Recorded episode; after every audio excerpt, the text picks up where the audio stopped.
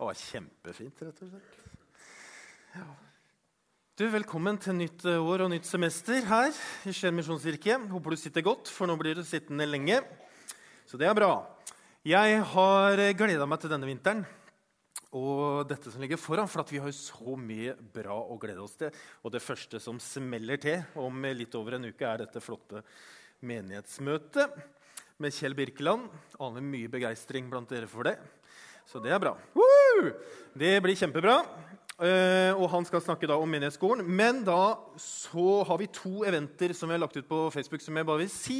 Nevne sånn kort. og det er Den første er den her at vi får besøk av Øystein Gjerme 11.2. Øystein han er pastor i Saltbergen og nå ny leder for pinsebevegelsen i Norge. Og så har han skrevet en bok som heter 'Vi vil'. Og så har vi da en, en kveld her, en tirsdag kveld sammen med Salt Skien som, som, han skal komme og snakke. Og da har vi invitert ganske bredt ut og håper at alle dere som er frivillige, eller dere som har lyst eller nysgjerrig eller bare, altså Det er vel verdt bare å komme og høre på Øystein en kveld. Det er nesten uavhengig av hvilket tema han snakker om. Så det blir bra. Så har vi to eventer til som det er veldig lenge til. Det er ikke før i mars, men det er obligatoriske. I hvert fall den som begynner klokka sju, er obligatorisk for alle som er eh, altså alle i stab, alle i lederskap, alle som er frivillige ledere, hovedledere og alt sånt. Alle som kan krype og gå. Og da er det en som heter Alexis Lund, som jobber i noe som heter Tro og medier.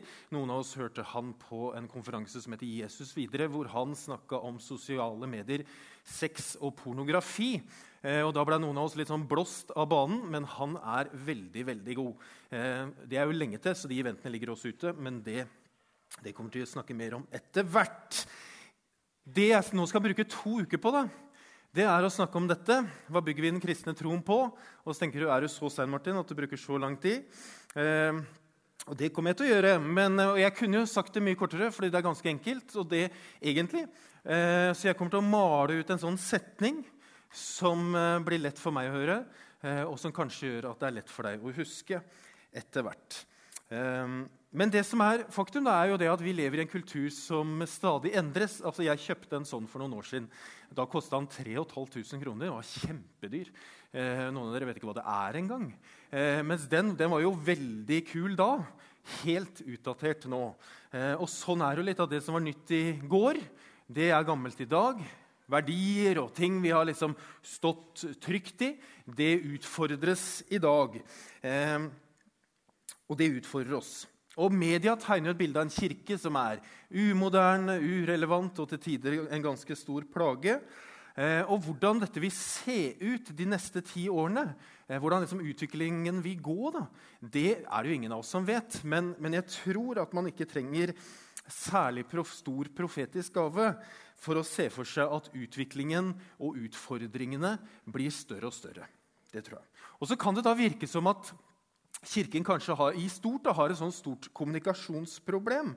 Fordi vi sitter jo på de gode nyhetene. Evangeliet betyr jo gode nyheter. Men når jeg leser aviser og kommentarfelt og blogger og ser på nyhetene, og sånt, så virker det jo ikke akkurat som at vi sitter på gode nyheter i det hele tatt. Det virker som at folk der ute hører oss som dårlige nyheter. Og så lurer jeg da på hvordan i all verden havna vi der? Altså, Hvordan kom vi dit, liksom? Og ikke minst, hva kan vi gjøre med det? Eh, tankesmien Skaperkraft eh, de ga ut en bok for et års tid siden litt mer enn det, av en som heter eh, Hermund Haaland. Og Den boka får du faktisk kjøpt her ute etterpå. hvis du vil det. Eh, men den tar utgangspunktet da i en undersøkelse som noe som heter Barna Institutt har gjort i USA. Og Da sier de ja, vi har gjort Kirken mer interessant for folk flest de senere årene. Ja, vi har gjort Kirken mer relevant. Ja, vi har jobba veldig bra med mange ting i det kirkelige landskapet de siste årene. Men faktum er at færre og færre mennesker faktisk er interessert i det eller i Kirken. Og så lurer jeg på, Hva kan vi gjøre for å hindre at 70% av eh, barn og unge som vokser opp i våre kirker, forlater troen i forbindelse med studier eller jobb? Eh, det er den ene tingen. 70 Og skal, Hvordan skal vi på en måte forholde oss til at de som tar imot Jesus i vår tid, eh, så gjør 85% det før de fyller 23 år? Hva slags betydning skal sånne statistikker få for oss? Og hvordan kan vi komme på offensiven igjen som kirke? De som leste Vårt Land denne uka, kunne lese at de presenterte en undersøkelse som heter Religion 2019. Da hadde de spurt mange mennesker. Eh, og da viser det at I 2019 så er det 48,7% av Norges befolkning tror ikke på et liv etter døden. Og i 2012 så var tallet 32,6 Det betyr at det har økt med 16% på sju år. Det er mye. Det er voldsom økning.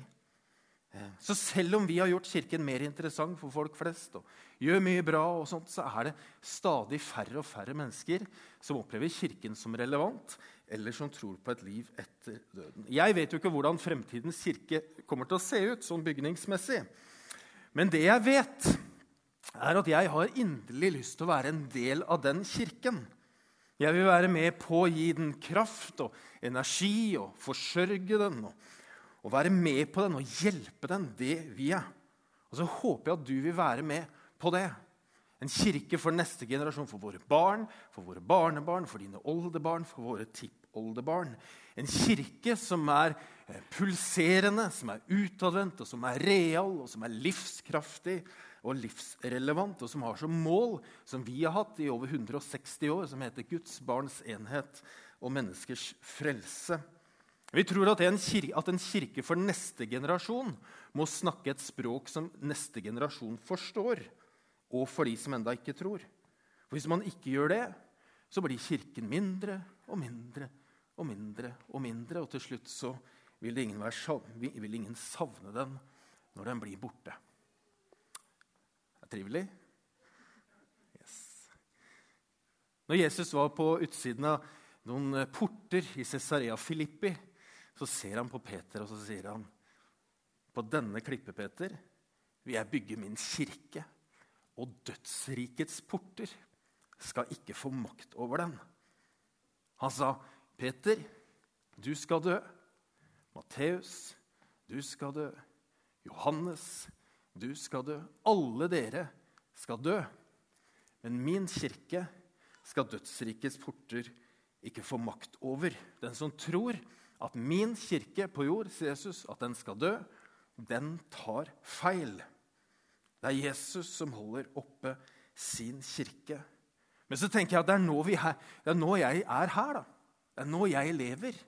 Jeg kan jo tenke at ja, det er ille nå, liksom, bare la oss vente 50 år. Men da, da er jeg mest sannsynligvis ikke her. Det er jo nå vi er dagens kirke. Det er jo nå vi er på vakt. Og da må jo vi gjøre det vi kan for at den neste generasjon og de som enda ikke tror på et liv etter døden, blir kjent med Jesus.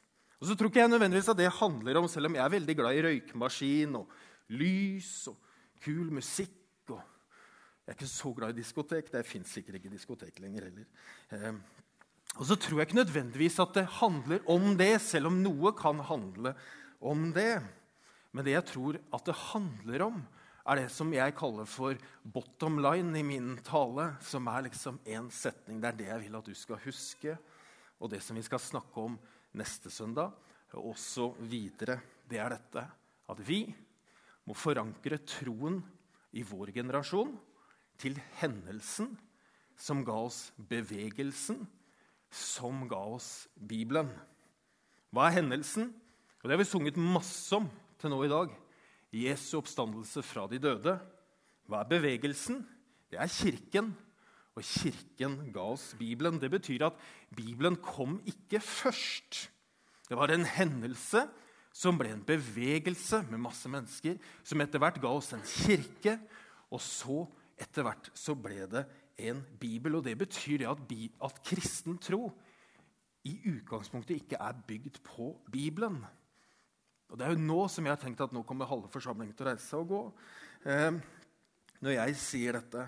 Altså, Bibelen består jo av bøker, av brev og rundskriv og eh, mange ting som de som var en del av bevegelsen, de syntes at dette var så viktig å bevare. At de tenkte at dette må vi jo samle i en bok.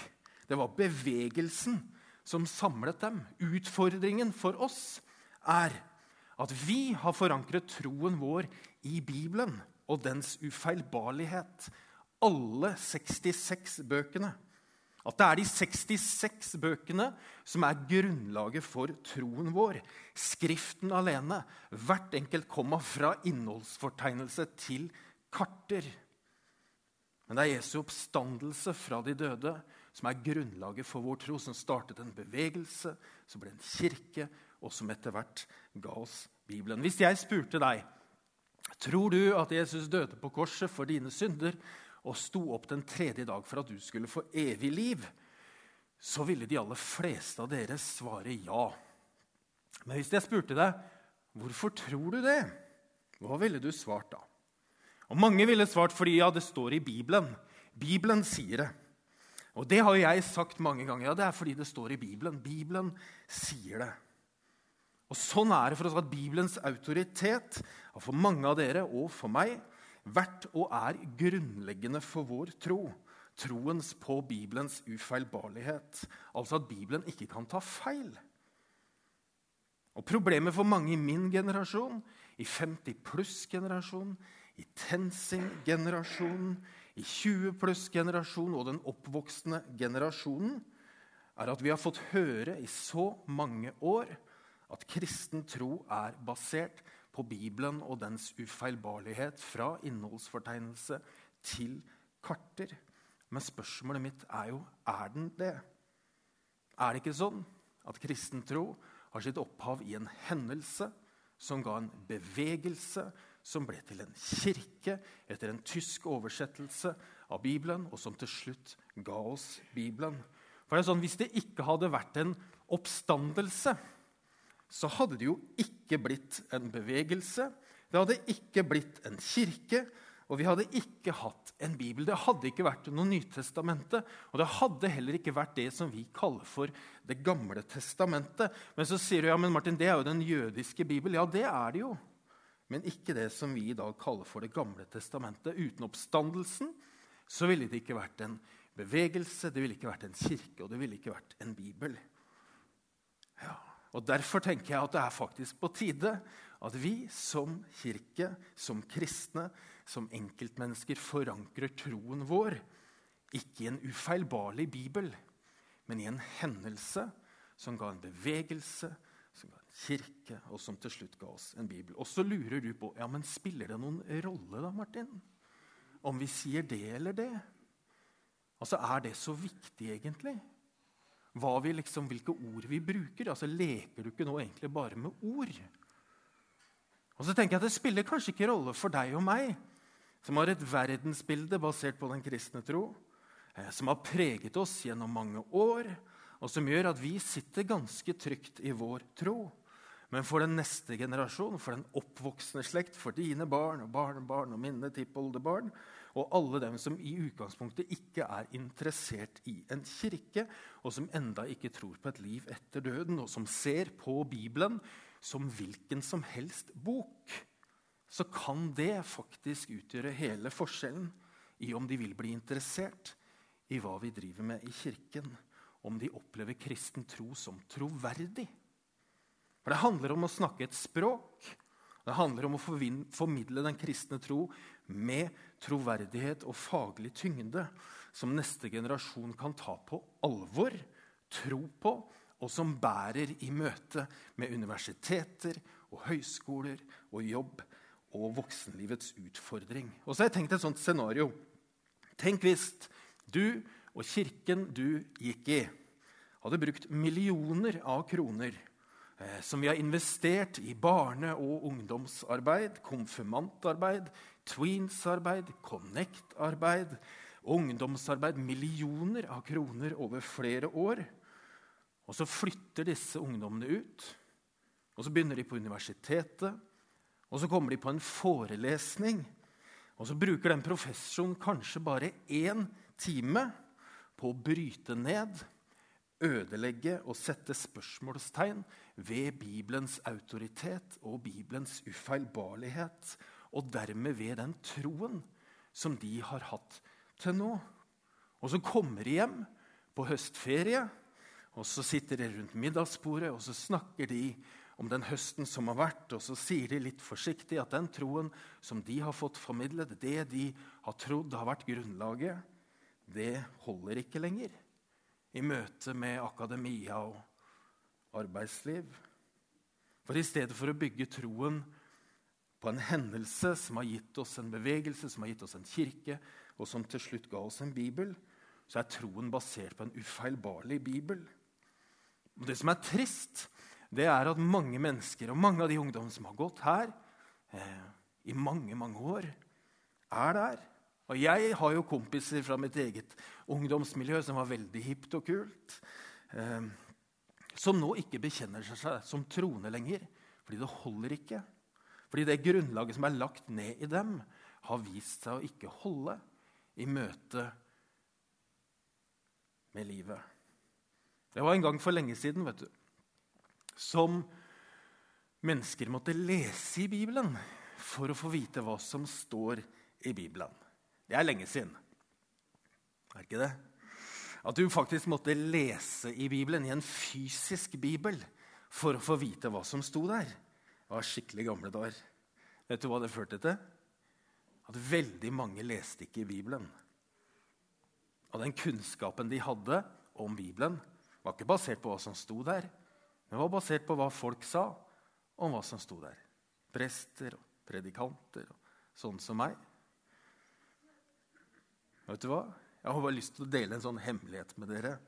Eh, og som dere vet eh, helt sikkert vet du hva som er svakheten ved sånne som meg, som står her. Det beste vi vet, er å forkynne basert ut på bibelvers som vi liker aller best selv. Det som taler mest til oss, er det vi liker aller best. Vi liker ikke å tale om det vi ikke liker eller ikke forstår. Nei. Det er mye lettere å tale om det vi liker.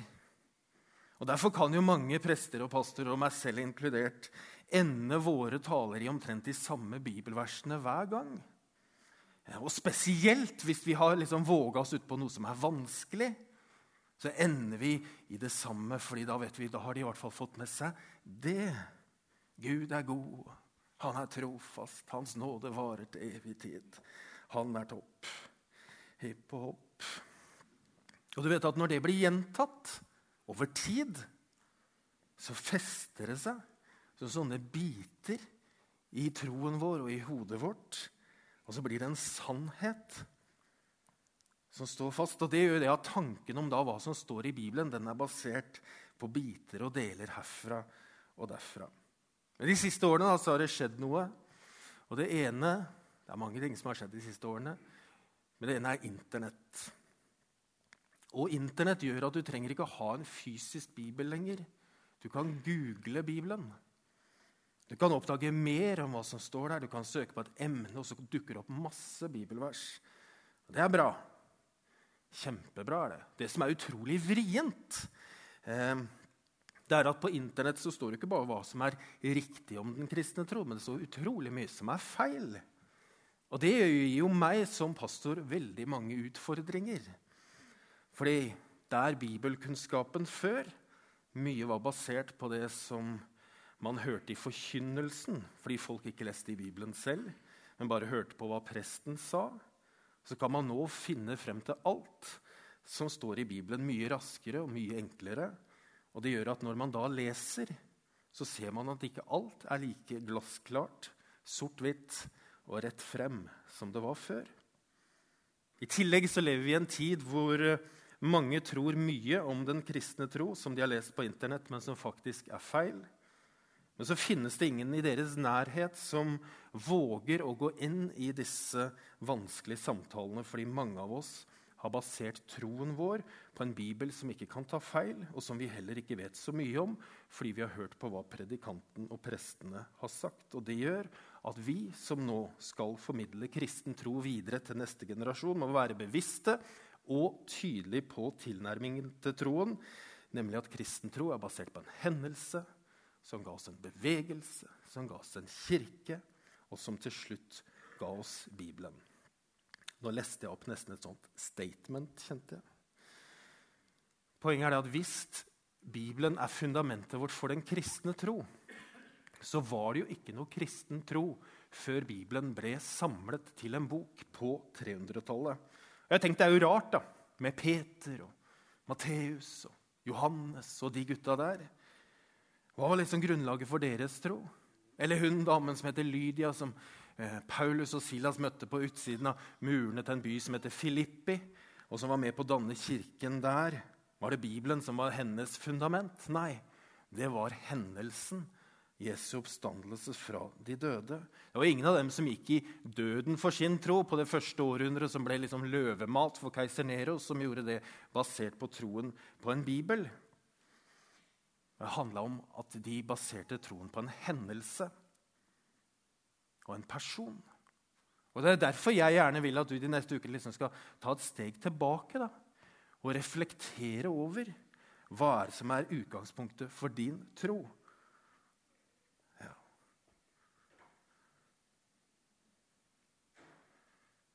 Før var det jo litt sånn Tror du på Bibelen? Ja, det gjør jeg. Tror du at Bibelen er en hellig bok? Ja. Har du lest hele? Nei. Leser du den ofte? Nei. Men du tror fortsatt at den er den beste rettesnor for liv og lære? Ja.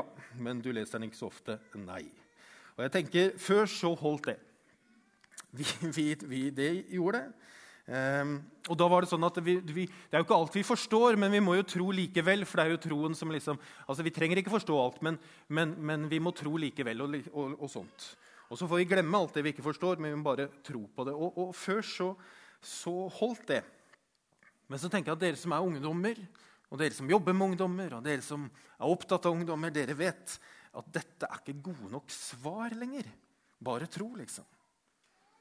For Hvis vi skal bygge en kirke som møter neste generasjon, så må vi jobbe med dette og tilnærmingen vår til hvordan vi snakker om Bibelen og troen på. Ikke endre innhold, men endre tilnærmingen. Og det betyr det at du trenger egentlig ikke forsvare Bibelen, men du trenger å kunne forsvare oppstandelsen. Og Derfor skal jeg snakke masse om det om en uke. Eh, men jeg tror det er en blindvei det at vi hele tiden skal forsvare Bibelen. For det er ganske vrient hvis vi skal ha noen gode svar. For jeg tenker, Hvordan tolker man liksom Noas ark i lys av Jesu ord om at Gud elsker alle mennesker, og alle mennesker er like mye eh, verdt for han? Eller var skapelsen bokstavelig? Eller hvor mange koner hadde egentlig han som heter Salomo? og gir det, for han, han hadde jo flerkoneri, og gir det et grunnlag for å si at Bibelen forsvarer flerkoneri? Det hadde vært veldig tungt egentlig, hvis det hadde vært sånn. Men også, og den Historien om Jonah var han i tre dager. og så er jo Det et bilde på Jesu, oppstand, på Jesu døde oppstandelse. Men hvis vi ikke kan tro at Jonah var i fisken i tre dager hvis det bare, og, og det setter spørsmålstegn, Hvordan kan vi da tro at Jesus var i graven i tre dager? Det er mange vanskelige ting i disse tekstene som det er vanskelig å gi veldig gode svar på. Og Poenget mitt er at jeg tror ikke at du får så mange mennesker til å omvende seg til Jesus ved at du overbeviser dem om at Bibelen er Guds ufeilbarlige ord. Jeg tror at du har mye større sjanse til å føre mennesker til Jesus dersom du elsker dem slik han har elsket deg, og dersom du peker på hans kjærlighet til deg gjennom oppstandelsen fra de døde. For det er jo oppstandelsen fra de døde som er grunnlaget for troen vår. Det er ikke fordi du har løst ligningen